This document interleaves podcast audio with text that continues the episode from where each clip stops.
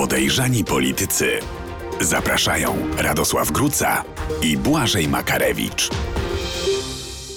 Wizjoner, twórca, mecenas sztuki, alfa i omega, monument rządów dobrej zmiany. Daniel Obajtek nie jest już prezesem Orlenu. Wygląda na to, że długo jednak nie pozostanie bez zajęcia, bo partia matka Prawo i Sprawiedliwość szykuje już dla niego nowe zadania, które mają związek, wszystko na to wskazuje, z Jackiem Kurskim i Zbigniewem Ziobro. O co chodzi? O tym porozmawiamy w dzisiejszym odcinku podejrzanych polityków w programie także o chocholim tańcu w Pałacu Prezydenckim i o tym, kto stoi za choreografią tego szczególnego spektaklu. Witają Was jak co tydzień bardzo serdecznie Radosław Gruca i Błażej Makarewicz. Zapraszamy na wydarzenie tygodnia. Wydarzenie tygodnia. Proszę Państwa, koniec ery Daniela Obajtka w Orlenie, nazywanego przez niektórych Don Orleone. Skąd taki ruch wyprzedzający? Bo e, Rada Nadzorcza Orlenu odwołała Obajtka jeszcze zanim miało się to dokonać e, zgodnie z decyzjami nowej władzy. Można, drodzy Państwo, znaleźć dużo na mieście interpretacji ludzi, którzy są lepiej poinformowani niż dziennikarze, a nawet politycy, bo z otoczenia Daniela Obajtka różne niepokojące e, informacje wypływały w ostatnich tygodniach o tym, jak to się źle czuje pan e, prezes Obajtek. No wczoraj pełen rezonu mm, ogłaszał, że się oddaje do dyspozycji. No i trudno to inaczej odbierać niż ruch uprzedzający w tym sensie, nawet nie w tym sensie, że zaraz walne zgromadzenie by go mm, odwołało, bo w takie jest planowane do e, zwołania w najbliższych dniach, ale przede wszystkim chciał na pewno uniknąć pytań o raport NIK-u, który ma być e, w poniedziałek opublikowany. Chodzi oczywiście o raport e, dotyczący fuzji Lotosu z Orlenem, a tak naprawdę wchłonięcia części Lotosu i sprzedaży prywatyzacji części Lotosu, szczególnie z rafinerią gdańską. No i jak Daniel Obajtek już w poniedziałek nie będzie prezesem, to będzie powiedzieć, no ale ja już nie mam tutaj dostępu do dokumentów, do różnych rzeczy, rzeczy, więc ja nie mogę mówić o wszystkim. Poza tym jest tajemnica przedsiębiorstwa. Widać wyraźnie, że taka jest jego narracja. Tutaj siedząc na tym zaszczytnym moim dzisiaj miejscu, Daniel Obajtek próbował nam wytłumaczyć, że generalnie opinia publiczna i media czepiają się fuzji, bo nie mają pełnych danych, bo nie wiedzą, że były jeszcze różne uwarunkowania, okoliczności itd., tak itd. Tak Powtarza o 28 instytucjach, które były zaangażowane. Pomijając, e, że te instytucje to głównie chyba kancelarie, które przygotowywały rozmaite opinie za pieniądze oczywiście e, podmiotu, który on mm, reprezentował, co też dużo mówi. Mm, I no, widać wyraźnie, że jest to taka ucieczka od trudnych pytań. Na razie ucieczka ze stanowiska, może będzie ta ucieczka planowana na dalsze odległości. No tak, nawet. tak, bo niektórzy twierdzą, że E, ma to związek z sowitą odprawą, jaką ma dostać Daniel Obajtek, że w sytuacji, gdyby zgromadzenie akcjonariuszy odwołało go, no to wtedy można by było e, zawiesić E, przynajmniej na jakiś czas jakoś oddalać w czasie mm, tę odprawę, a tak y, stara Rada Nadzorcza y, nie ma tutaj na to, y, znaczy ma na to wpływ, ale nie będzie miała złych intencji wobec niego. No poprzedni prezes, którego zastąpił Obajtek, tłumaczył tę decyzję, teraz jest w Radzie Wojciech Nadzorczej, Jasiński. tak, Wojciech Jasiński, były członek PZPR-u, minister i prezes Orlenu, tłumaczył, że taka była konieczność, taka była właśnie konieczność. No to ładne tłumaczenie. Wszystko można w zasadzie tak wytłumaczyć. Taka była konieczność. Koniecznie pamiętajcie, żeby skomentować to pod tym filmem, tą konieczność, występ pana Obajtka, a najlepiej subskrybować nasz kanał. Jeszcze kiedyś mówiło się, e, że taka jest potrzeba społeczna. No, no to jest taka mowa trawa. No. Jeszcze kiedyś y, opatentował wspaniały... Yy, Dlatego Beata zdaniem... Szydło została odwołana z funkcji premiera, bo była taka potrzeba społeczna. No tak, ale to był awans w zasadzie taki... Yy, no... Yy, awans przez degradację, no bo została wicepremierką do spraw y, społecznych wtedy, więc taki najbardziej lukratywny wydawałoby się. To jaki bilans pozostawia po sobie Daniel Obajtek? Bo on sam chwali się tym, że e, dzięki jego rządom koncern zarobił setki miliardów złotych. Sumy w ogóle nieporównywalne do tego, co działo się w epoce poprzedników. Poczynił wielkie inwestycje, tak twierdzi, e, że udało mu się zbudować no, potężny koncern konkurencyjny w skali europejskiej. No to jest taka... Ech, no to jest taka mowa trawa trochę dla przekonanych głównie zwolenników, bo drodzy Państwo, ja jeżdżę też tramwajem, komunikacją miejską. Czasami się do mnie przysiadają różne osoby, też takie starsze panie, które mi tłumaczą różne rzeczy, między innymi, że Obajtek jest taki wspaniały i uniezależnia Polskę i tak dalej i powtarzają różne rzeczy, które usłyszeli z dawnej e, telewizji Kurskiego. No i to jest taka opowieść, która przez nich jest odbierana jako prawdziwa. E, Problem w tym, że tych ludzi jest jednak stanowczo mniej niż tych, którzy y, mm, twierdzą inaczej, a już na pewno w gronie ekspertów no, nie znajdziesz chyba nikogo, kto by bronił tej decyzji, ale jeszcze raz powiedzmy, bo to jest bardzo istotne, a często jakoś się mm, nie przebija, że to nie jest tak, że media krytykują fuzję jako taką, bo o tym się rozmawiało od bardzo dawna. Natomiast to, jak to zostało przeprowadzone w takim najgorszym momencie, o tym zresztą polecam rozmowę, y, którą przeprowadziliśmy z Mariuszem Gierszewskim w Podejrzanych Politykach Ekstra, gdzie Która się E, pojawi na dniach. Na, na dniach, tak. e, Przemysław Marchlewicz, były wiceprezes Lotosu, uznawany za jednego z tuzów, jeśli chodzi o energetykę, dopóki partyjne e, wojenki go nie wyeliminowały. Opowiada o tym, jak planowano mm, fuzję na początku rządów PiSu.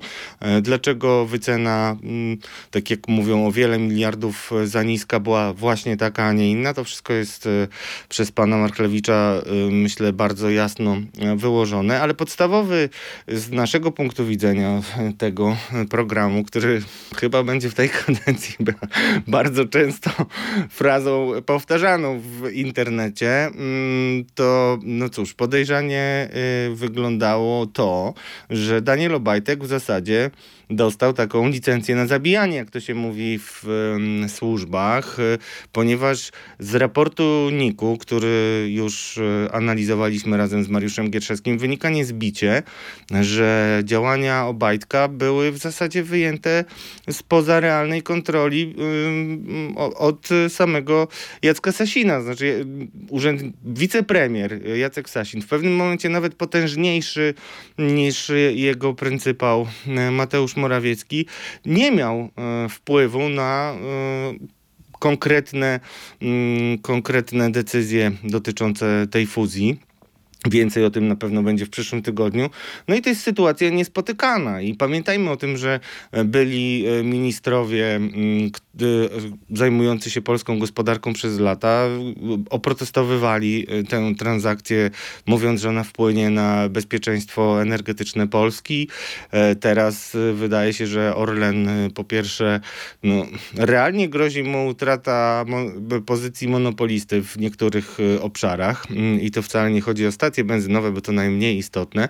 No i bardzo ciekawie wyglądają e, ogłoszenia na różnych portalach oferujących pracę, bo okazuje się, że Saudi Aramco poszukuje teraz menadżerów do Polski, co się może okazać e, no bardzo złą wiadomością, bo wszystkim się wydaje, znaczy tym zwolennikom mm, Daniela Obajtka, że tutaj Saudowie będą grali z nami w jedną e, jakąś grę lokalną, no to jest zupełnie nielogiczne, ale no mało kto się spodziewał, że oni będą chcieli tutaj być konkurencyjni w, w kontekście Orlenu. Raczej myślano o takim globalnym podejściu, no bo rafineria morska, jaką jest rafineria gdańska, czyli ta, e, to przedsiębiorstwo, które jest w stanie ob- obrabiać e, e, ropę i, i tworzyć różne dodatkowe produkty poszukiwane m, szczególnie w Europie, no jest bardzo łakomym kąskiem, więc No najgorsze jest to, że nie da się tego odkręcić. No właśnie, ale niektórzy przedstawiciele rządu twierdzą, że da się to odkręcić. No ja to te głównie poru- słyszę Romana Giertycha. No, No. tak, że tę fuzję To można nie jest w jakiś sposób... rządu.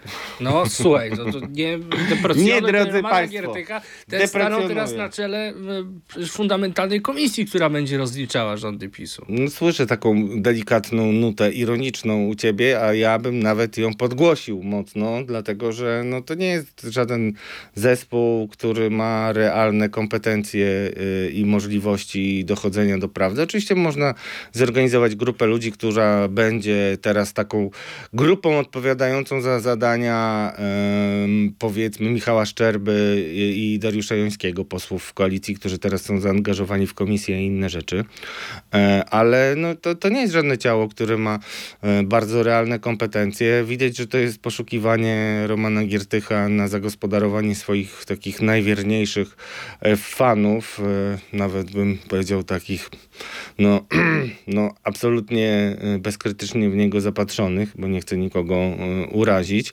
I to jest ten pomysł. Natomiast e, realnie, no ja słyszę coraz częściej i tak mi wybrzmiewa e, wśród głosów ekspertów takie opinie, że trzeba będzie z Saudi Aramco usiąść do rozmów. Ja się zastanawiam, czy przypadkiem ci eksperci, którzy takie już suflują e, rozmaite mm, koncepcje, nie są w jakiś sposób e, związani z Saudi Aramco, którzy albo są takimi nieformalnymi rzecznikami, co by akurat no dawało jakieś możliwości mm, odwrócenia tej transakcji w tym zakresie na przykład e, rafinerii gdańskiej. Ja w to nie wierzę, ale jeżeli takie sygnały się pojawiają w przestrzeni publicznej, to być może będzie mm, taka możliwość, żeby to zrobić, ale znowu, drodzy Państwo, zapłacimy za to my wszyscy, tak? Bo to nie jest tak, że... Tak, no bo Daniel Obajtek chwali się tymi gigantycznymi zyskami Orlenu w- tamtym roku i w ogóle na przestrzeni lat, kiedy był prezesem e, koncernu, no ale też powiedzmy sobie skąd te pieniądze pochodzą. No pochodzą z naszych kieszeni przede wszystkim. No właśnie to jest takie niezwykłe, że Daniel Obajtek stworzył taki swój wizerunek dobrego pana, który tutaj pomoże wspaniałemu kierowcy, który mm, miał wypadek i będzie sponsorował e, Kubicę, który przecież sam się wyeliminował wypadkiem. Manipulował cenami na. Manipulował cenami, y, no niby sam mówiłeś jest takim y, y, Mecenasem filantropem, sztuki. mecenas sztuki, to, to już trochę grubo, ale, ale no, filantrop... słuchaj, no kto jest e, autorem e, koncepcji Orlen Press? No przecież Daniel Obajtek. A właśnie, co, co z Orlen Press? Co z e, tygodnikami lokalnymi? No to, drodzy Państwo, no tylko idiota pozbywałby się y, takiego narzędzia przed wyborami samorządowymi, bo wybory samorządowe, które sam PiS przełożył, to jest bardzo ciekawe, no y, były, znaczy po to kupowano Polska Press i marzono Żeby pomóc o w tym, wyborach Żeby samorządowych. pomóc w wyborach samorządowych, bo tam jest szereg różnych tytułów, które lokalnie mogą e, rezonować.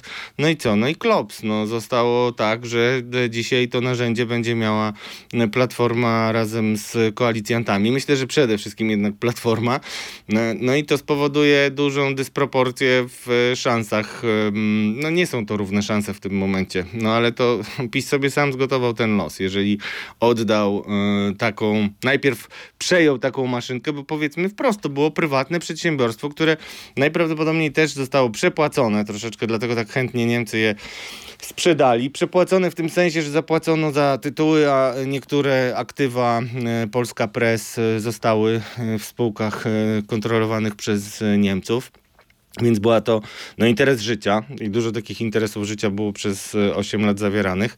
Zaskakująco łatwo przepłacaliśmy e, za wszystko, tak jak łatwo wypłacaliśmy świadczenia socjalne dla grupy wyborców PiS, bo przecież cały czas były tylko podnoszone, do, dodawane 13, 14 emerytury i tak dalej, plus oczywiście 500, plus potem podniesione do 800. Plus. Mój podstawowy zarzut, drodzy Państwo, jest taki, że to było rozsypywanie pieniędzy z helikoptera. Takie myślenie jutra nie będzie. Zawsze będziemy rządzić, nikt nam nie zajrzy do tego, ile złota jest na przykład w Narodowym Banku Polskim. Ja oczywiście tutaj obrazuję Państwu, jak to wygląda, bo rzeczywiście jest jakiś ciekawy i zagadkowy temat e, tego złota. To od, odbiegając od e, komisji sejmowej Romana Giertycha, pomówmy jeszcze przez chwilę o rozliczeniach, no bo Daniel Obajtek e, jednak musi znaleźć się w tym centrum poszukiwania pewnych nieprawidłowości e, do których miało dochodzić w Orlenie. Przecież tak opozycja mówiła przez e, ostatnie lata i kiedy możemy się tutaj spodziewać jakichś pierwszych działań? No nie znaczy, pytam o efekty, bo to zapewne potrwa. Znaczy, no pewnym efekty to jest jedna rzecz, ale no, pewną wskazówką E, są dwie wypowiedzi, co się może wydarzyć. Po pierwsze, ja po raz pierwszy chyba usłyszałem o tym, że e, w Orlenie jest ktoś w zarządzie poza Danielem Obajtkiem, bo Daniel Obajtek zaczął bardzo e, konsekwentnie mówić, że ja i zarząd, ja i zarząd, czyli że chce się podzielić tymi rozmaitymi no, problemami, które być może wypatrzą kontrolerzy, kiedy wejdą do spółek. To jest jedna wypowiedź, czyli chce się podzielić tą odpowiedzialnością, być może karną. A druga rzecz, no to to, co powiedział oczywiście y, Donald Tusk, bo to jest bardzo ciekawy wątek, y, który trudno będzie dziennikarzom, a nawet politykom mm, realnie przedstawić i zbadać, ale y, na pewno Donald Tusk powiedział jedno, że Wystarczy to, co ustaliły pisowskie służby, y, żeby pokazać, że to był tak naprawdę jakaś powieść sensacyjna, czy coś takiego e, powiedział. No to jest taka ogólnikowa wypowiedź, ale jednak zwrócenie uwagi na to, że... No to służ... chodzi o CBA, tak? W... Nie tylko CBA, ABW, które miało e, dużo e, zastrzeżeń, to też są ustalenia z tego tygodnia mediów. Przepraszam, ale dokładnie nie pamiętam których. Wiem, że też Mariusz Gierszewski to podnosił, nawet wskazywał jednego oficera, który był jednoznacznie przeciwko. Mówię o tym dlatego, że z jednej strony służby działają tak zawsze, żeby mieć, no nie znam lepszego słowa, ale dupokrytki, może się to wyciszy, czyli takie różne e, zabezpieczenia, żeby nikt im potem nie mm, zarzucił, że niczego nie robiły, że były bierne i tak dalej, i tak dalej. No i w związku z tym e, dużo się mówi w świecie służb o tym, że Daniel Obajtek tak bardzo e, zadbał o to, żeby wielu e, byłych oficerów, agentów, e, policjantów na najwyższych stanowiskach no, zabezpieczyło sobie swoją przyszłość. Ja mam kilka takich konkretnych osób na myśli. No, najbardziej znanym jest pan Zbigniew Lasek, który był kiedyś takim mm, sławnym policjantem, a teraz był w zasadzie no, bogiem od bezpieczeństwa w Orlenie. No, podsumowując, jest tak, że tak jak Daniel Obajtek kupował sobie pozycję polityczną, zatrudniając rozmaitych pociotków, e, nie tylko swoich, ale też kto przyszedł po pracę, to ją tam mógł znaleźć. Na przykład pan Waldemar Chumięcki był taki człowiek, który e, e, był szefem Kowru po tym, jak odszedł do Orlenu i potem się okazało nagle, że Kowr bardzo pozytywnie podchodził do różnych zakupowych planów działek Daniela Obajtka. Podobno też został mocno zabezpieczony. Takich takich ludzi jest masę i myślę, że to z jednej strony była trochę inwestycja w przyszłość, żeby służby przypadkiem nie przeszły na stronę nowej, e, nowej koalicji i nie pomogły no, skutecznie nagłośnić rozmaite wątpliwości co do Daniela Obajtka. Ja przypomnę, że już w ogóle najmniej e, pamiętanym problemem Daniela Obajtka było to, że jakoś jego majątek się nie spinał z dochodami e, w żaden sposób. No właśnie. Cóż. No tam mo, moi znajomi... pałacami, no rezydencjami, no działkami, Takie, i te... hotelami, restauracjami. Ale to, drodzy Państwo, morzem. tego było masę. No, czy, i, I jeszcze no, z tego powstało bardzo dużo e, legend, y, o których ja słyszałem, których nie można było zweryfikować. Będę je weryfikował, mam nadzieję, przy transparentności y, nowej ekipy y, sukcesywnie. Ale na przykład, no sam mogę podać przykład mojego znajomego prokuratora, który roz rozmawiał ze mną akurat w epicentrum tego wyliczania rozmaitych y, posiadłości, majątków i tak dalej Daniela Obajtka.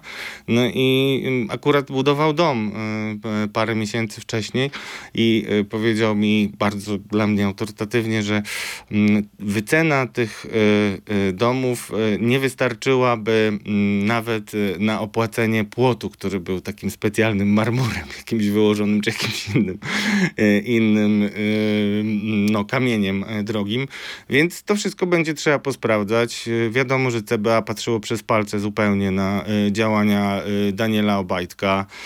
No, dużo tutaj będzie na pewno mm, do przeszukiwania, chociaż może najtrudniej będzie znaleźć samego Daniela Obajtka. Tak, i też ten etap e, rozliczeniowy na pewno będzie e, na barkach nowego prezesa Orlenu, który również będzie odpowiedzialny za jakiś proces weryfikacji e, decyzji podejmowanych na przestrzeni ostatnich lat. To mamy tutaj jakieś nazwiska już, bo media Rzeczpospolita jakiś czas temu spekulowała, że nowym prezesem Orlenu może zostać Elżbieta Bieńkowska. Donald Tusk to, to zdementował w sposób taki no, bardzo jednoznaczny. To kto wchodzi w grę tutaj? No mówiono o byłym prezesie Enei, ale to nie jest takie proste, bo z jednej strony Donald Tusk jednak jest już trochę w pułapce swoich rozmaitych y, zapowiedzi publicznych. Też bardzo ciekawa y, wokół mm, tej kwestii obsad y, spółek Skarbu Państwa jest dyskusja w łonie samej koalicji 15 października. O tym na końcu warto powiedzieć, żebyśmy się tylko nie koncentrowali na tych rozliczeniach. E, ale więc nie chcę mówić o konkretnych nazwiskach, natomiast ta pułapka, o której mówię, polega na tym, że Donald Tusk y, mówi o tym, że trzeba odpolitycznić y, spółki. E, wiadomo, że Daniel Obajtek sam sobie mówił, że jest działaczem partyjnym i że to jest w ogóle bzdura, że y, może być jakiś apartyjny, niepartyjny prezes. Więc mm, trudno powiedzieć, jakie to będzie nazwisko, ale myślę, że będzie to nazwisko honorowane, uznawane jako ekspert przez biznes i jak najmniej związane z polityką, co nie znaczy, że na przykład stanowiska wiceprezesów rozmaitych nie y, otrzymają różni ludzie zaufani lub związani członków z władzą. Rady Nadzorczej. Lub członków, no członków, no też, to jest, zresztą no, już e, lata temu nawet niektórzy członkowie e, zarządu Orlenu przyznawali się do związków ze służbami. Nie jest to tak e, realnie nic super nadzwyczajnego. Dużo gorzej jest, kiedy dzieją się takie rzeczy, jak na przykład Ernest Bejda, były szef CBA, który jest w zarządzie PZU, ale tak naprawdę jest cały czas agentem CBA delegowanym do PZU. No to już jest sytuacja mocno zastanawiająca wydaje mi się, że to powinno być niezgodne, wprost penalizowane, ale no tutaj być może mm, powinny się wypowiedzieć organa i eksperci, którzy lepiej się znają na służbach, ale wydaje się to być mocno patologiczną historią.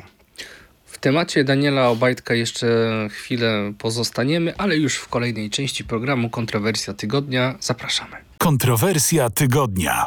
No właśnie, ptaszki ćwierkają, że już niedługo Daniel Obajtek zostanie oddelegowany na zupełnie nowy odcinek. No, mm, z kronikarskiego obowiązku i siedząc na tym gorącym fotelu, gdzie siedział jeszcze przed chwilą prawie Daniel Obajtek, mm, pozwolę sobie zaprzeczyć, że jakiekolwiek rozmowy na ten temat trwały, cytując właśnie Daniela Obajtka. A jednocześnie y, przypomnę, że generalnie zawsze jestem sceptyczny wobec wypowiedzi polityków, a tacy politycy, którzy najpierw mówią, no przecież ja mam swój honor, zaraz odejdę. Jak tylko PiS przegra wybory, to wiadomo, że odejdę i nie będę dalej prezesem. E, I potem to trwa e, przecież wiele miesięcy, bo w zasadzie powinien po, honorowo podać się 16 października do dymisji, a mamy po, już luty rozpoczęty. Więc jeżeli nawet w takich prostych do zweryfikowania rzeczach y, y, pan Daniel Obajtek no, skłamał, bo nie wykonał tego. Tłumaczenie dzisiaj, że on jest odpowiedzialny i nie mógł zostawić Orlenu, bo to jest wielka spółka i on nie może z dnia na dzień, jest śmieszne, dlatego że odpowiedzialny nie był wtedy, kiedy składał taką deklarację. No trzeba się zdecydować, panie prezesie X.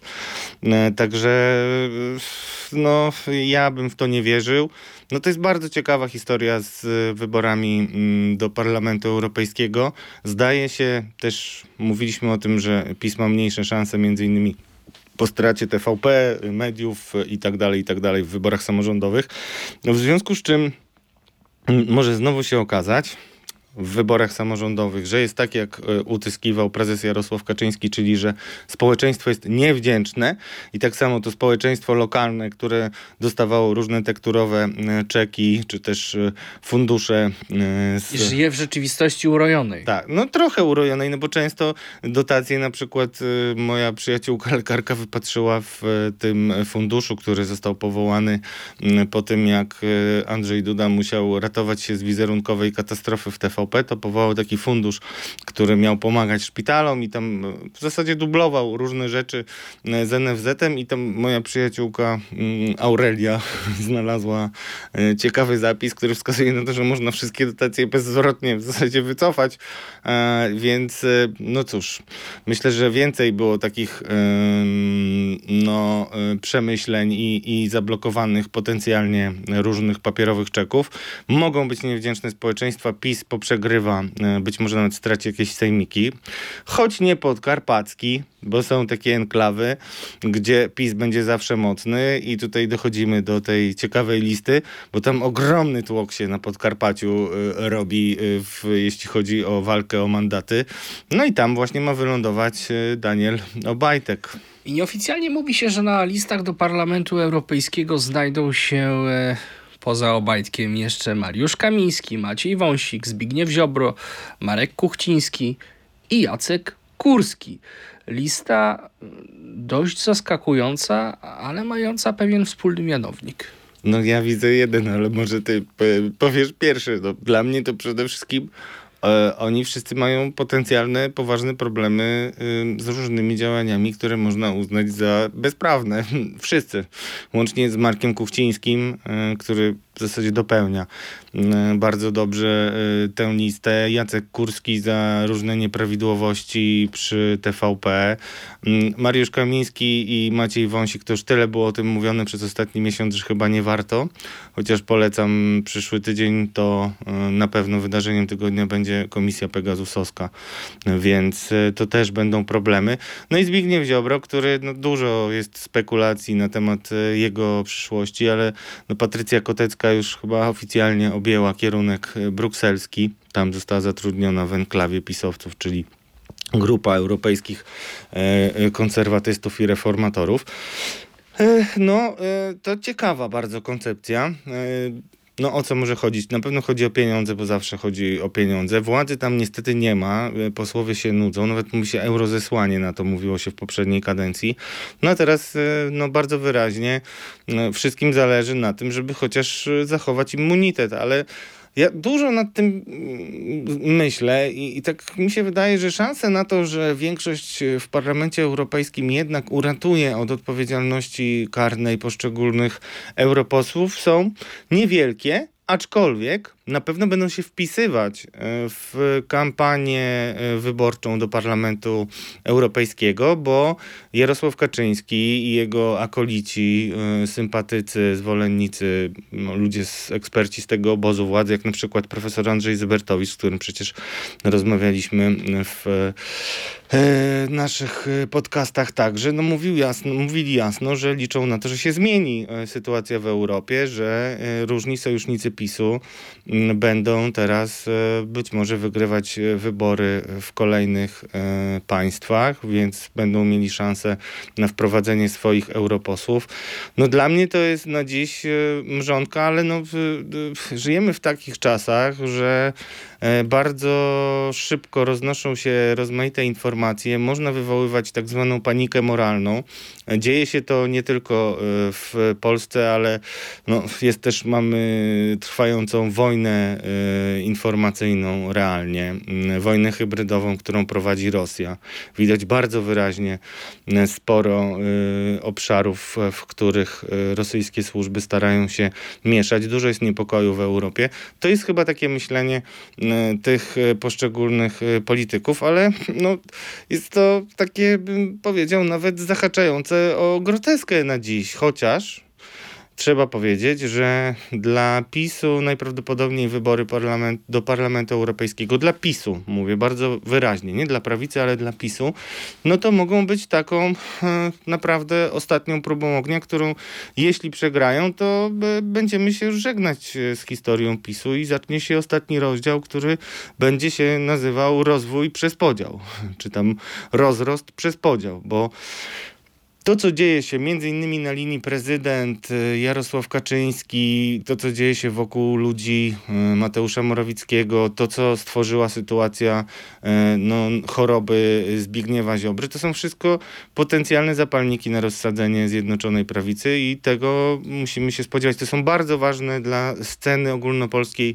e, wybory e, i przyniosą one bardzo dużo złych zjawisk na pewno w kampanii. No, z tym, że trzeba też podkreślić, że akurat wybory do Parlamentu Europejskiego, one mogą być całkiem e, spośród wszystkich wyborów, z jakimi mamy w Polsce do czynienia, najbardziej obiecujące dla Prawa i Sprawiedliwości. Oczywiście. Dlatego z dwóch powodów. Pierwszy powód są to wybory, w których jest najniższa frekwencja, a z kolei elektorat Prawa i Sprawiedliwości, no to jest ta grupa, która jest najbardziej, a przez, przynajmniej e, na przestrzeni lat była najbardziej zmobilizowana.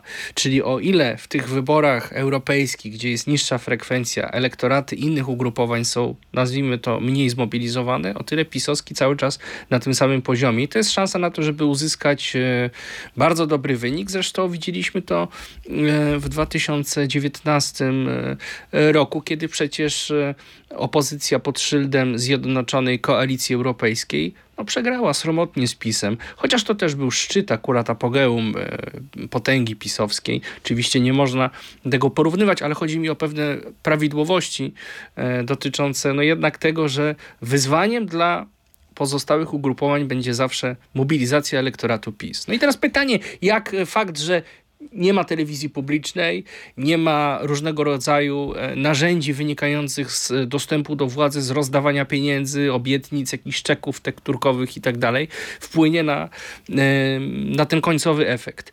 Daniel Obajtek, y, jeszcze chwilę przy nim y, zostańmy. Pieniądze na pewno, to jest ta ogromna mm, y, pokusa. Wiemy, że Parlament Europejski, potężne zarobki europosłów. No właśnie, ale dlaczego nie wójt Pcimia ponownie? Przecież mógłby w wyborach samorządowych wystartować. Ale nie miałby wtedy immunitetu. To jest dość istotne. Czy to są dużo słabsze zabezpieczenia?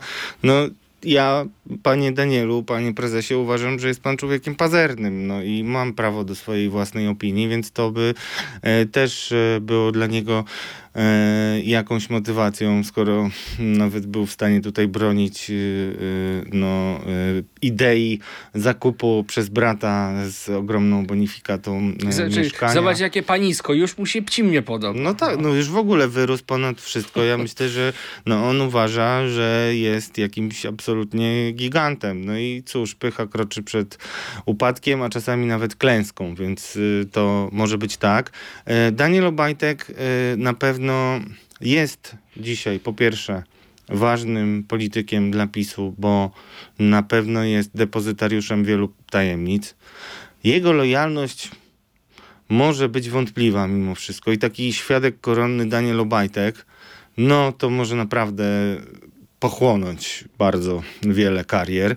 Nie mówię, że tak jest oczywiście, bo na razie nigdy nie zdradzał y, nikogo poza swoją rodziną, y, którą na przykład skonfliktował się przy swoim pierwszym biznesie, ale mówię jak bardzo jest ważny, ma też y, duże zasoby finansowe, na pewno pokupował sobie, bo to trzeba tak to nazwać, bo to nie jest budowanie pozycji, tylko kupowanie pozycji różnymi datkami, pomocami, zatrudnieniami i tak dalej.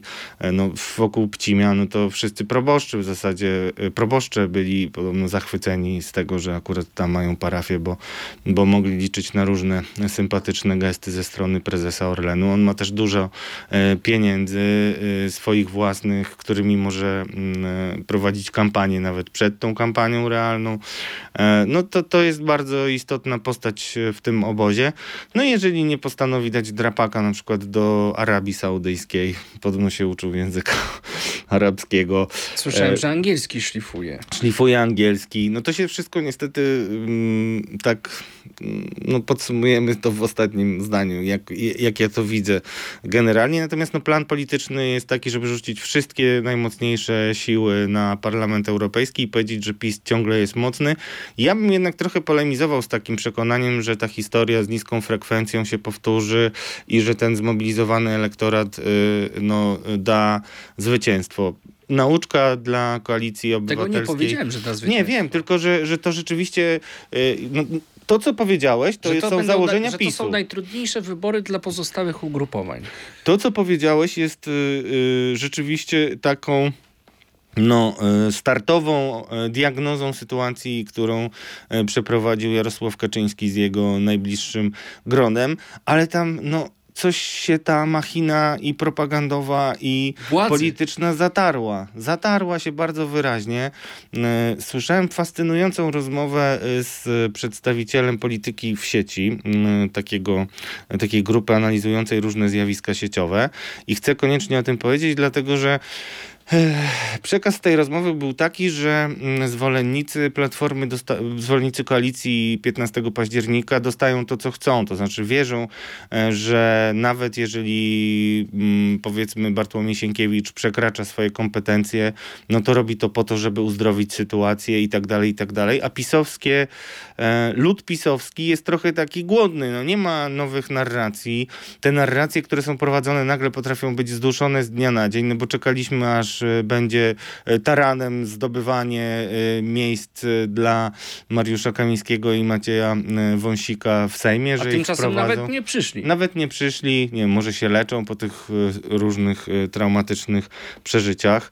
Mm, No widać, że to tak gaśnie w każdym momencie i cały czas mamy ten trudny hmm, jednak, ja cały czas konsekwentnie będę mówił, że nie ma tak, że Andrzej Duda wykonuje polecenia Jarosława Kaczyńskiego. Próbuje się wybić na niepodległość, ale słabo mu to idzie.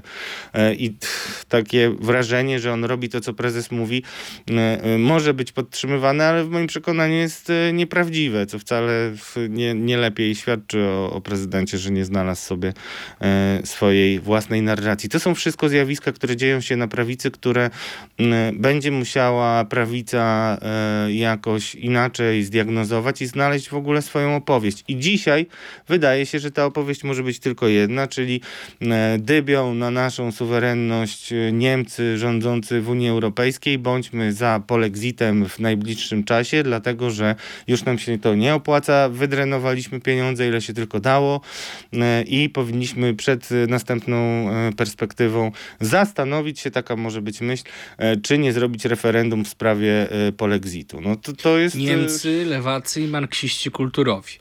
Tak. Zresztą Maciej Wąsik żartował, e, wracając jeszcze do niego ostatnio w mediach społecznościowych, e, po tym jak wszyscy spodziewaliśmy się, że się z Mariuszem Kamińskim jednak pojawią na Wiejskiej, a to się nie stało, e, to w głównym wydaniu e, 19.30 na jedynce pokazany był rzecznik praw obywatelskich profesor Marcin Wiącek i został podpisany jako profesor Maciej Wąsik. I Wąsik wstawił tego screena na Twittera i podpisał, no widzicie, ja to tak byłem w Sejmie.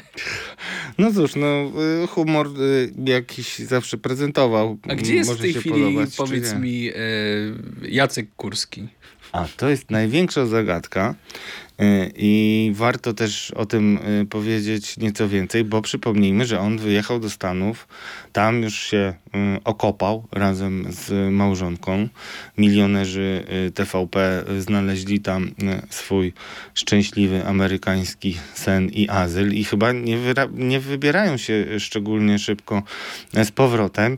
I niezwykłą plotkę słyszałem. Mm, Warto ją powtórzyć, choćby po to, żeby zrozumieć, jak patrzą na Jacka Kurskiego koledzy partyjni, bo mówi się o tym, że mm, Jacek Kurski oczywiście walczy o to, żeby iść do Europarlamentu, no bo Jacek Kurski też pieniądze lubi i musi z czegoś żyć, a już skończyło się mm, super lukratywne stanowisko w Banku Światowym, odwołany przez y, ministra finansów szybciuteńko.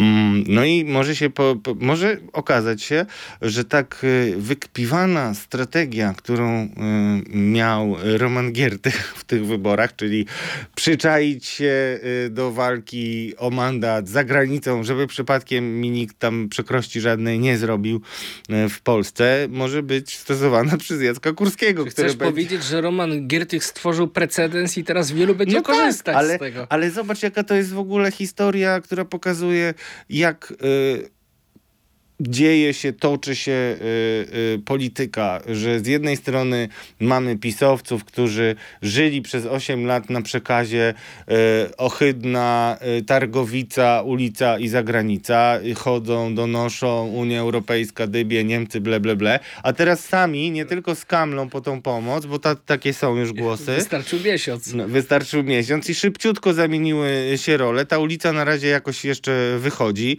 E, No i cóż, no, y, patenty, które PiS wprowadził i to jest niestety dramatyczna sytuacja dla Polski, bo dzisiaj naszą rolą społeczeństwa, mediów y, jako pełniących kontrolę nad y, y, władzą będzie pilnowanie, żeby nowa koalicja nie weszła w buty PiSu, które są bardzo wygodne. Wszystkie bezpieczniki podemontowywane i tak dalej, i tak dalej. No pokusa jest jednak olbrzymia, a drodzy Państwo, za 8 lat, jeśli ta ekipa by rządziła, to ona będzie równie zdegenerowana jak, e, jak poprzednia, bo tak po prostu jest, że władza deprawuje, a władza absolutna absolutnie e, deprawuje. I naszą rolą, państwa szczególnie i naszą jest to, żeby e, patrzeć tej władzy na rękę, a ostatnia taka... Nawet na ręce.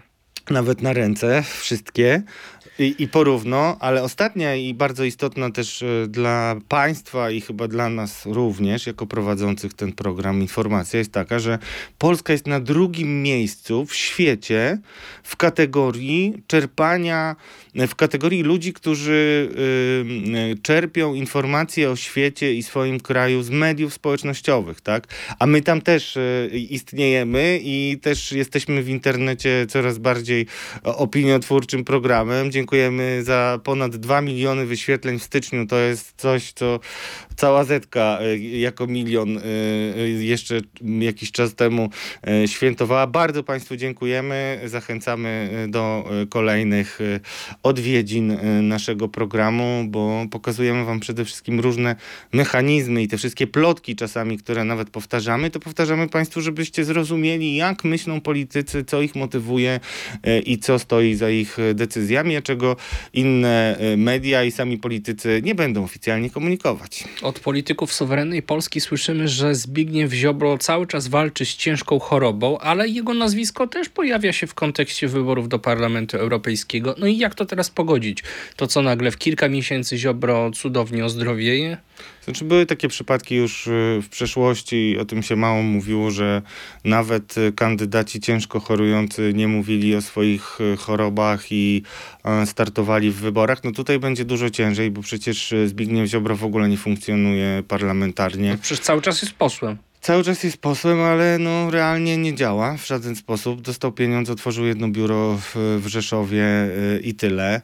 No i to cóż, no jest trudna sytuacja. Mi jest w ogóle trudno mówić o e, chorobach polityków, bo ja mam miękkie serce i wydaje mi się, że w chorobie jesteśmy jednak równi. Natomiast to, że ktoś zachoruje, absolutnie nie będzie e, żadną okolicznością, która by powodowała, że e, nie powinien ponosić odpowiedzialności za swoje czyny, szczególnie, że te czyny przełożyły się na bardzo realne i e, wymierne mm, efekty i to wcale nie pozytywne. No, w najbliższych tygodniach ujawnimy kilka takich wstrząsających historii dotyczących wymiaru sprawiedliwości, o których nawet w najgorszych koszmarach nie śniłem. E, To, że nie mieliśmy pieniędzy z KPO jest absolutnie nawet przez zwolenników, e, no nie zwolenników, ale przez samych polityków PiSu e, wskazywane jako odpowiedzialność Zbigniewa Ziobry, mówiąc wprost, że to jest jego wina, że nie dostaliśmy tych pieniędzy. I tutaj taka ciekawa jeszcze tylko anegdotka na koniec, pokazująca jak to realna jest jego wina, nie tylko w zakresie retoryki, ale nie wiem, czy Państwo wiecie, nie wiem, czy ktoś o tym mówił już, ale ta ustawa prezydencka, która miała odblokować e, pieniądze, była uzgodniona z Mateuszem Morawieckim, była też wstępnie jakoś pozytywnie opiniowana przez ludzi z Komisji Europejskiej. I tylko to, że e, Zbigniew Ziobro uparł się nad wyeliminowaniem pewnych zapisów dotyczących innymi tam testu sędziego tak zwanego, już nie wchodźmy w szczegóły, spowodowało, że te pieniądze od lata e, nie mogły mm, niestety być Polsce wypłacane. No to są wszystko realne realne korzyści i Zbigniew Ziobro mm, będzie musiał na to prędzej czy później odpowiedzieć. Natomiast faktem jest, no, nie zweryfikujemy to, czy, tego, czy on jest chory, czy nie. Nie ma w Polsce w ogóle takiego obyczaju, żeby rozmawiać o zdrowiu polityków, a to bardzo źle i uważam, że powinniśmy szukać y, no, szczególnie po różnych przypadkach też y, choćby y, no, karmienia sądą, cukrzycy i różnych głodówek y, więziennych, o tym rozmawiać. Ale Zbigniew Ziobro jest cały czas urzędującym posłem. Jest. Ma mandat. I y, jest naszym obowiązkiem i również wydaje mi się obowiązkiem obywateli, żeby zadawać pytania, co się z nim dzieje. Oczywiście nie wnikając w jakieś meandry i szczegóły choroby, no bo zawsze jest tajemnica lekarska, ale jednak mimo wszystko no Ziobro powinien w jakikolwiek sposób no, wydać komunikat, wyjaśnić obywatelom, dlaczego nie przychodzi do Sejmu, dlaczego płacimy mu pieniądze z naszych podatków, a y, jest nieobecny na komisjach, no nie wykonuje swojej pracy, co za tym stoi. No, a tutaj żadnych informacji nie ma sobie od mediów do jednych do drugich politycy jego formacji tam no, z, ze smutkiem w oczach i smutnym wyrazem twarzy przyznają jedynie, że walczy z ciężką chorobą nowotworową, ale tak naprawdę nic więcej nie wiemy. No żelazną logikę tutaj zaprezentowałeś, więc co, co tutaj mogę więcej powiedzieć? No istotne jeszcze w tym wszystkim jest to, że mm, no Zbigniew Ziobro na razie walczy z chorobą, więc y, no, wiadomo, że się temu każdy człowiek na jego miejscu pewnie, jeżeli jest chory, y, zachowywałby się podobnie. No ale czy to jest odpowiedzialne w stosunku do obywateli? Y, czy nie powinien oddać mandatu temu, kto może realnie walczyć? No niech sobie zada, zadają pytanie. A tymczasem szykuje się już do kolejnych wyborów. No, dla mnie to jest przy całym szacunku dla majestatu choroby i współczuję oczywiście panu e, ministrowi Ziobrze, no ale jednak to jest poważnie poważne.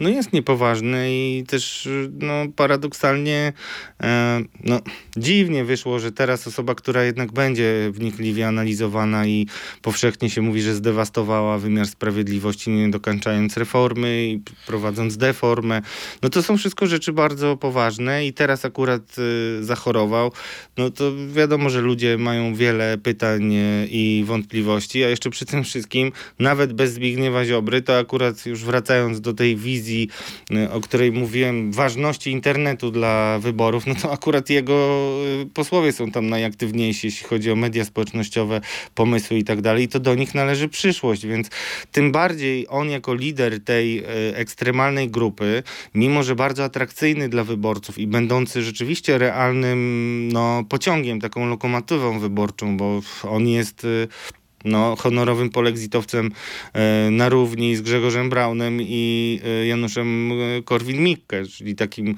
zwolennikiem... Może nie na równi. Znaczy na równi, jeśli chodzi, a nawet ja bym powiedział, że nawet ich prześcignął, bo miał dużo więcej władzy i, i, i kompetencji i prerogatyw, więc myślę, że ich realnie prześcignął, więc no ma duże zobowiązanie. Każdy, no nie wiem, bardzo chętnie poczytam opinię naszych widzek i widzów i słuchaczy i słuchaczek na ten temat, bo no jest to gorący temat i myślę, że każdy jednak powinien przede wszystkim w sercu ocenić, e, to nie jest e, sytuacja, która miała jakikolwiek precedens, jak mogą się czuć wyborcy Zbigniewa Ziobry, jak mogą się czuć zwolennicy tego obozu i czy to rzeczywiście, no mi jest trudno, bo ja mam miękkie serce wbrew pozorom, tak? To ja mam w takim razie apel do Państwa, do komentujących, oglądających nasz program. E, napiszcie w komentarzach, czy Waszym zdaniem Zbigniew Ziobro lub jego najbliższe otoczenie powinno na bieżąco informować obywateli o tym, w jakim jest stanie zdrowia, na jakim etapie jest leczenie, jakie są perspektywy, w związku z tym, że Zbigniew Ziobro przez cały czas jest legalnie posłem, który pobiera z tego tytułu wynagrodzenie. Start Wąsika i Kamińskiego, no to właściwie koniec y, wielkiego rozdziału pod tytułem Walka o powrót na wiejską. Start do Parlamentu Europejskiego. No, no mówię, to jest znowu ucieczka po immunitet, wydaje się być oczywista, e, ale z drugiej strony no, jest szereg takich polityków, e, którzy zasiadali no, w parlamencie, tak, ale... o których nazwisk nawet e, nie potrafiłbyś sobie przypomnieć, którzy ledwo tam bywali, no a jednak, no cóż, zarobili w sumie żadnych konsekwencji. Ale chodzi mi o to, że Andrzej Duda, jeżeli Wąsik i Kamiński wejdą do Parlamentu Europejskiego, no nie będzie mógł już utrzymywać, że są legalnie posłami na, do Sejmu Polskiego. No widzisz, jak to można się zaplątać w swoich własnych retorykach. No wyraźnie tutaj mm, nie ma. Ale wyszedł z To jest- tego kapiszon, no powiedzmy sobie szczerze. Miała być wielka walka o powrót do Sejmu. Miała być jakaś kolejna legenda, na której PiS będzie produkował swoje paliwo polityczne na jakiś czas. No i właściwie sprawa się już skończyła. No właśnie zrobimy chyba sobie taki licznik, e, bo on już nawet ma tam chyba kilkanaście dni minęło od kiedy mieli szturmować e, Sejm. E, Ile czasu już czekamy na ten szturm? Co? Bo to już to trochę dni minęło. Za tydzień będziemy znowu z Państwem w piątki wieczorem się e, pokazywać. To zrobimy sobie taki licznik i będziemy liczyli ile to dni na odbicie Sejmu, bo rzeczywiście jeżeli zacznie się mówić wprost e, o tym, jak będą wyglądać listy do Parlamentu Europejskiego, no to ta e, nawik prezydenta o tym, że oni są cały czas posłami i też wpisywanie się w taką narrację, bo zobacz, ty słusznie zauważysz, że to już w ogóle będzie jakieś qui pro quo, no chociaż no, z drugiej strony e, łatwo będzie odbić piłeczkę, no bo też obecni posłowie przecież będą startować e, w, do Parlamentu Europejskiego, więc i to nie, nie Jak już wygasza zostaną mandatu. wybrani do Jak Parlamentu już wysta- jak, to, nie wtedy będzie po- tak trochę głupawo, ale tylko trochę, no w gruncie rzeczy, no po prostu, tylko właściwie to wtedy co? To wtedy będziemy szukali, kto obejmie ich mandat. Jest zakaz obejmowania mandatu, no ale no to, to pokazuje po prostu taką totalną, jak to kiedyś Jurek Owsiak wymyślił słowo, taką totalną kręciołę e, w PiSie, dlatego, że mm, no oni nie przewidują swoich e, działań, e, konsekwencji e, długofalowo. I to wcale nie jest zjawisko, które odkryliśmy teraz dopiero po tym, jak PiS przeszedł do opozycji. Tego było bardzo dużo przez ostatnie 8 lat, tylko dzięki absolutnej władzy udawało się to przykryć kolejnymi tematami, narracjami, różnymi tam wojenkami rozpętanymi tu czy gdzieś indziej. No teraz to wychodzi e, bardzo boleśnie. No i cóż, e, kiedy usłyszymy o kształcie list e, do Parlamentu Europejskiego, o których z jednej strony Beata Szydło mówi, że jeszcze nie było takiej rozmowy, tak jak Daniel Obajtek, a potem mówi, że ona już startuje. No więc tych, tych takich absurdów, chyba nie wiem, czy nie zrobimy sobie takiego kącika absurdalnych wypowiedzi zaprzeczających e, samym sobie wszystkich polityków oczywiście, choć na razie mamy duży zbiór takich wypowiedzi ze strony Zjednoczonej Prawicy. Ty powiedziałeś kręcioła, ja mówię chocholitaniec. y, A o tym, o szczegółach e, tego, tego cho, chocholego Kto prowadzi tam Tak. e, ten, ten, ten polonez, czy... jest tak, odpowiedzialny tak, za choreografię, mm, porozmawiamy sobie w ostatniej części naszego programu Stan Gry. Zapraszamy. Stan gry. No, prezydent Andrzej Duda oraz jego zaplecze z tych ostatnich rozgrywek politycznych na najwyższym szczeblu wychodzi z fatalnym wrażeniem, bo z jednej strony nic się nie udało ugrać z rządem Donalda Tuska, no z drugiej jednak wpis też może e, pozostawać pewien niesmak co do tego, co robił e, prezydent, e, szczególnie jeśli uwzględnimy niektóre ostatnie komentarze Jarosława Kaczyńskiego na temat poczynań prezydenta. No co tam się tak naprawdę dzieje? Tam jest totalna wojna na wyniszczenie, choć taką absolutnie, mm, no bym powiedział, bezprecedensową i brutalną ofensywę y, rozpoczął i kontynuuje Jarosław Kaczyński, a Andrzej Duda próbuje się tylko nie dać zabić chyba w tym wszystkim. Jest postacią tragiczną, też y, polecamy y, naszego y, nowego felietonistę na Radio ZPL, Mikołaja Wójcika, analityka politycznego, który będzie pisał właśnie swój debiutancki tekst o tym, jak to wygląda między prezydentem i, Jarosławem Kaczyńskim. I ja tutaj będę się zgadzał między innymi też z dziennikarzem Gazety PL Jackiem Gątkiem, który bardzo protestuje przeciwko takiemu powtarzaniu narracji, że Andrzej Duda robi to, co mu prezes każe. I teraz problem w tym, żeby bronić tej tezy jest taki, że jak popatrzysz na sekwencję zdarzeń, no to niestety y, prezydent Duda wychodzi jako ten, który wykonuje to, co mówi Jarosław Kaczyński. Tylko, że Widzisz, to jest trochę tak jak Pulp Fiction, kiedyś mówili główni bohaterowie, że liczą się te małe różnice, tak? Bo gdyby... No i, i, to, to o tym będziemy na pewno mówić w kolejnych programach, natomiast Jarosław Kaczyński wyraźnie chce zetrzeć na proch prezydenta. Jemu jest bardzo wygodnie, bo on może powiedzieć wszystko, tak? Zobacz, on może powiedzieć swoim wyborcom, uważam, że muszą być wcześniejsze wybory, najpierw musi być jakiś okres przejściowy i tak dalej, potem na jednym prawie oddechu powiedzieć, prezydent powinien zwołać Radę Gabinetową, Radę Bezpieczeństwa Narodowego i w ogóle jeszcze szereg różnych działań, o których nie powiem. Tak, to już analizowaliśmy w zeszłym tygodniu i, y, wyłapali to wszyscy nasi słuchacze i słuchaczki, że y, no w zasadzie Clue tej wypowiedzi to jest to niedoprecyzowanie, bo to jest takie przerzucenie Menchirka do y, y, ogródka prezydenta, y, zrobienie na nim y, presji nieustannej i zero odpowiedzialności. A gro tych ludzi, którzy wiernie będą patrzeć na PiS jako jedyną polską partię walczącą o suwerenność i tak dalej, będzie, no nie będzie nawet w stanie rozpoznać, co jest prerogatywą prezydenta, co on może realnie zrobić jeżeli na przykład e, niepodpisanie, znaczy e, opóźnienie budżetu byłoby pretekstem do wyborów, no to ludzie e, zapamiętali, że prezydent miał możliwość rozpisania wyborów. Naprawdę bardzo dużo ludzi tak to zapamięta. I potem oni już nie będą widzieli tego, że już ta kwestia budżetu przez najbliższych 10 czy tam ileś miesięcy nie będzie w ogóle żadnym tematem, tylko będą pamiętali, no to dlaczego on tych wyborów nie zrobił? No takie wrażenie będzie nawet niedopowiedziane i, i, i cóż, no i to jest gra którą Jarosław Kaczyński kocha, uwielbia. On oficjalnie mówi, że on nie rozmawia od dawna z prezydentem, bo nie widzi takiej potrzeby.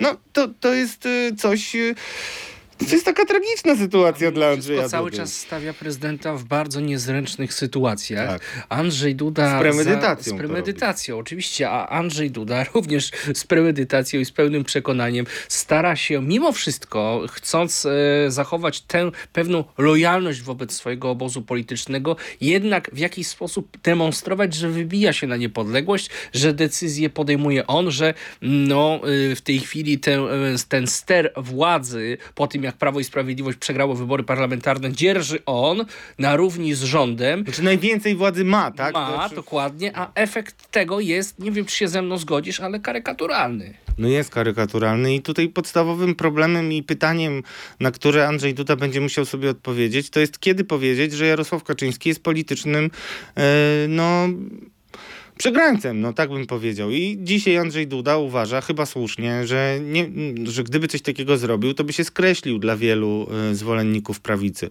Ale jeżeli tego nie zrobi, to będzie cały czas w takiej sytuacji. Czyli jego I, sytuacja jest de facto beznadziejna. No jest beznadziejna, jest dlatego postacią tragiczną, ale tak, no gdybym, każdy niech się zastanowi, jak w takiej sytuacji mógłby się y, zachować. No bo tutaj masz trochę grę, y, no bardzo ryzykowną, ale nie wiem, czy nie jedyną, no bo jeżeli prezydent prezydent nie rzuci realnie sam wyzwania Jarosławowi Kaczyńskiemu, albo nie znajdzie jakiejś swojej narracji, absolutnie wolnej od tego, co mówi prezes, albo się nie odetnie od tego, co powie prezes, no to będzie tak y, bardziej się w zasadzie pogrążał na tym grząskim Słuchaj, gruncie, sama toną, ta, Sama ta sytuacja, sam ten fakt, o którym mówisz już drugi program, a być może i trzeci program z rzędu, że Jarosław Kaczyński z premedytacją bombarduje, podkopuje pozycję Andrzeja Dudy, świadczy o tym, tym, że Kaczyński nie jest w najmniejszym stopniu zainteresowany tym, żeby Duda w jakiejkolwiek formie po zakończeniu swojej prezydentury wrócił do PiSu na jakieś istotne stanowisko, chociażby prezesa PiSu. Więc Duda powinien to rozumieć, że e, w tym wyścigu o mm, jakieś przywództwo na prawicy po 2025 roku jest już z góry przegrany. W związku z czym mógłby przeformułować w tej chwili swoją mm, politykę na te ostatnie półtora roku i jednak bardziej koncyliacyjnie z rządem Tuska e, współpracować i przyjąć, nie balansować w sposób karykaturalny, szukając jakiegoś swojego poletka, tylko przyjąć jakoś, jakiś jeden kurs i zakończyć tę prezydenturę no, jakoś z twarzą, a nie w sposób komiczny. No widzisz, no on jest trochę więźniem też swojego takiego przekonania, że on jest człowiekiem PiSu. Wydaje mi się, że jednak e, przespał swoje 5 e, minut e, i będzie mu. Rozpoczął tę prezydenturę bardzo dobrze. Mówimy tutaj o. Mówisz o tym 8, 10 lat temu prawie, tak? Nie, o mówię o 2020. O, Czyli drugą kadencję. 20, tak? O 20 roku, tak? Bo akurat tak się no, tra tragicznie złożyło, że ta druga kadencja nałożyła się z wybuchem wojny na Ukrainie, gdzie prezydent się zaangażował i on tutaj na tym odcinku wypełnił swoją rolę, moim zdaniem, bardzo dobrze. No ale zobacz, jaki to jest znowu paradoks, tak? Że on przede wszystkim wypełnił swoją rolę bardzo dobrze, bo nie był pisem. I łatwiej się rozmawiało całemu światu, szczególnie Amerykanom, e, z prezydentem Dudą jako partnerem, niż e, z pisem, co do którego było wiele zastrzeżeń, jeśli chodzi o takie tendencje autorytarne i tak dalej, i tak dalej. Też chciałem przy okazji, bo mam to już w pamięci, rozmawiałem ostatnio z Tomaszem Piątkiem, który wraca w przyszłym tygodniu. Nasza rozmowa o tym, jak wygląda sytuacja oceny Jarosława Kaczyńskiego, ale też y, walki z rosyjskimi wpływami i także y, y, no, tego, w jaki sposób nasi sojusznicy na nas patrzą. I Tomasz Piątek słusznie zwraca uwagę, że Jarosław Kaczyński nie był zaproszony na żadne spotkania no, z najważniejszymi politykami amerykańskimi, a nawet jak prezydent Biden spotkał się z Rafałem Trzaskowskim, to Mateusz Morawiecki był tak na doczepkę, na siłę w, wrzucony, więc no, to jest taki też paradoks. No, nie chcę się bawić w doradcę Andrzeja Dudy, ale ja wiem na pewno, że gdybym był na jego miejscu, to bym po prostu walczył, a nie czekał, aż mnie... walczył? Walczył o schedę po Jarosławie Kaczyńskim, a po to, żeby walczyć, trzeba nie wystawiać tylko Marcina Monstalerka, który przyjdzie tu i powie, powinien e, skończyć karierę Jarosław Kaczyński, tylko no, wziąć sprawę w swoje ręce. Ja jestem już coraz bardziej e, jednak bliski starości i pamiętam, jak e, prezydent Lech Wałęsa wymyślał BBWR. Było coś takiego, bezpartyjny blok wspierania reform i też mógłby, ja w ogóle nie mam tutaj żadnej wiedzy na ten temat, tylko chcę, żebyśmy wszyscy wspólnie myśleli, zastanawiali się, jak ta polityczna gra wygląda. No i przecież prezydent ma takich ludzi w PiSie, którzy mogliby z nim pograć, no i którzy byli nie pokorni, krnąbrni wobec prezesa. Jan Krzysztof Ardanowski, minister rolnictwa na przykład. I szereg, szereg innych, już nie mówię o Bacie. Szydło upokorzonej przez Morawieckiego. Sam Morawiecki może być takim e, partnerem do gry. Można, ale trzeba wierzyć w siebie, trzeba mieć e, kochones jak King Kong, a nie jak e, wróbelek. No jeżeli Myślę, że przeceniasz prezydenta. Nie, mówię, że- Mateusz Morawiecki nie będzie przecież grał z Dudą, dlatego że on sam walczy o pozycję lidera po Kaczyńskim, a do tego, żeby ją wywalczyć, potrzebuje Kaczyńskiego. No ale to wszystko jest jakby, y, no... mm, Gdzie w tym wszystkim jak po, Ale to, to popatrzmy w takim razie na y, sytuację w innych partiach. No przecież Platforma, która w pewnym momencie naprawdę była bliska totalnego rozpadu, y, miała dwóch później przywódców i koniec rzędem temu, kto na przykład kiedy szeroka publika poznała Borysa Budkę jako ministra sprawiedliwości w rządzie Ewy Kopacz w 2015 roku, to koniec rzędem temu, kto by obstawiał, że on kiedykolwiek będzie liderem Platformy, tak? Wcześniej był Grzegorz Schetyna, który się czaił, czaił przez wiele, wiele lat. Potem Borys Budka się poczaił kilka lat y, na y, truchło lidera Schetyny y, polityczne, więc y, dlaczego by nie miał się zaczaić Andrzej Duda nawet jako drugi, a jeszcze Czaił się jednak... też Rafał Trzaskowski i nie wyszło. No nie A wiem, czyżby ale podobny nie wiadomo, kazus? ale nie wiadomo. No ale widzisz, no to, to, to nie jest historia, która dotyczy tylko PiSu. Tak po prostu się dzieje. Są różne strategie i różne taktyki. Ten, kto najbardziej e, e, strategicznie myśli, z reguły w Polsce do tej pory wygrywał. No, spotkałem się ostatnio z taką opinią, że e, byli prezydenci dotychczasowi, czy Bronisław Komorowski, czy Aleksander Kwaśniewski, a może nawet i Lech Kaczyński, byli takimi prezydentami, którzy mimo różnych zastrzeżeń do tego, jak sprawowali swój urząd, to mimo wszystko byli jakimś takim pozytywnym domknięciem całego systemu. No nie, by, nie mieli, znaczy e, to, co teraz się Andrzej, dzieje... Andrzej Duda odgrywa w tej chwili zupełnie odwrotną rolę. Tak. Jest, de, odgrywa rolę destabilizującą. Tak, znaczy no wszystko kontestuje, znaczy śmiechu warte są te No, zapowiedzi, jeśli to jest pomysł na rozmawiać. zakończenie prezydentury, no to życzę powodzenia. No, ale Musimy kończyć. Musimy kończyć. No, e, źle wygląda na pewno sytuacja e, Andrzeja Dudy. No a na tym wszystkim zyskuje jednak e, koalicja, która się e, powoli, systematycznie e, zbliża do realizacji kolejnych e, swoich obietnic i ma olbrzymi materiał rażący, w, uderzający w PiS, czyli te wszystkie miliony, e, milioniki, e, posadki i tak dalej. I zobacz, i ma już gotowy cały arsenał. Prezydent zwoła radę gabinetową, na której będzie rozmawiał z CPK-iem. Założymy się, drodzy Państwo, że dowiemy się o wszystkich zatrudnieniach w CPK-u, bimbalionach, jakie ktoś tam zabrał, premiach, które dostali, samochodach, które kupili albo nie kupili. No to wszystko jest coś, czego prezydent jako chętny do bronienia tego projektu, no będzie w zasadzie no, pod pręgierzem prawdopodobnie na e, takiej Radzie Gabinetowej, więc ma bardzo duży arsenał środków e, lider Donald Tusk e, i koalicjanci.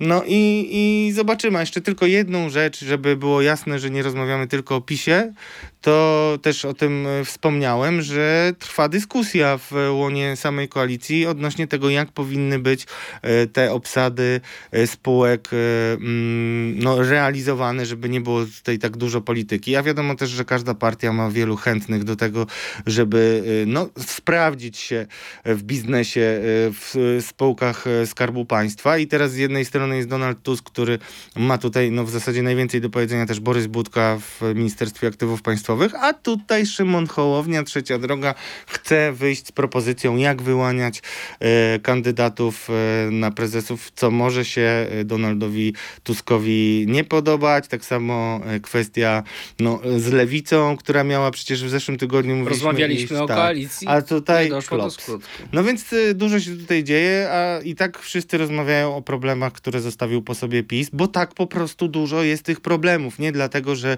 ktoś ma pisowskie, pisowskie jakieś fiksacje. Antypisowskie fiksacje. Albo antypisowskie. Dziękujemy bardzo. To był podcast Podejrzani Politycy w Radiu Z. Byli z wami Radosław Gruca. I Błażej Makarewicz. Pamiętajcie, łapki, komentarze, subskrypcje i widzimy się już w następny piątek i zapraszam na dwa y, super wywiady. Jeden z Przemysławem Marklewiczem, byłym prezesem Lotosu i Tomaszem Piątkiem w przyszłym tygodniu. Dziękujemy bardzo. Do zobaczenia. Do zobaczenia. Podejrzani politycy. Zapraszają Radosław Gruca i Błażej Makarewicz.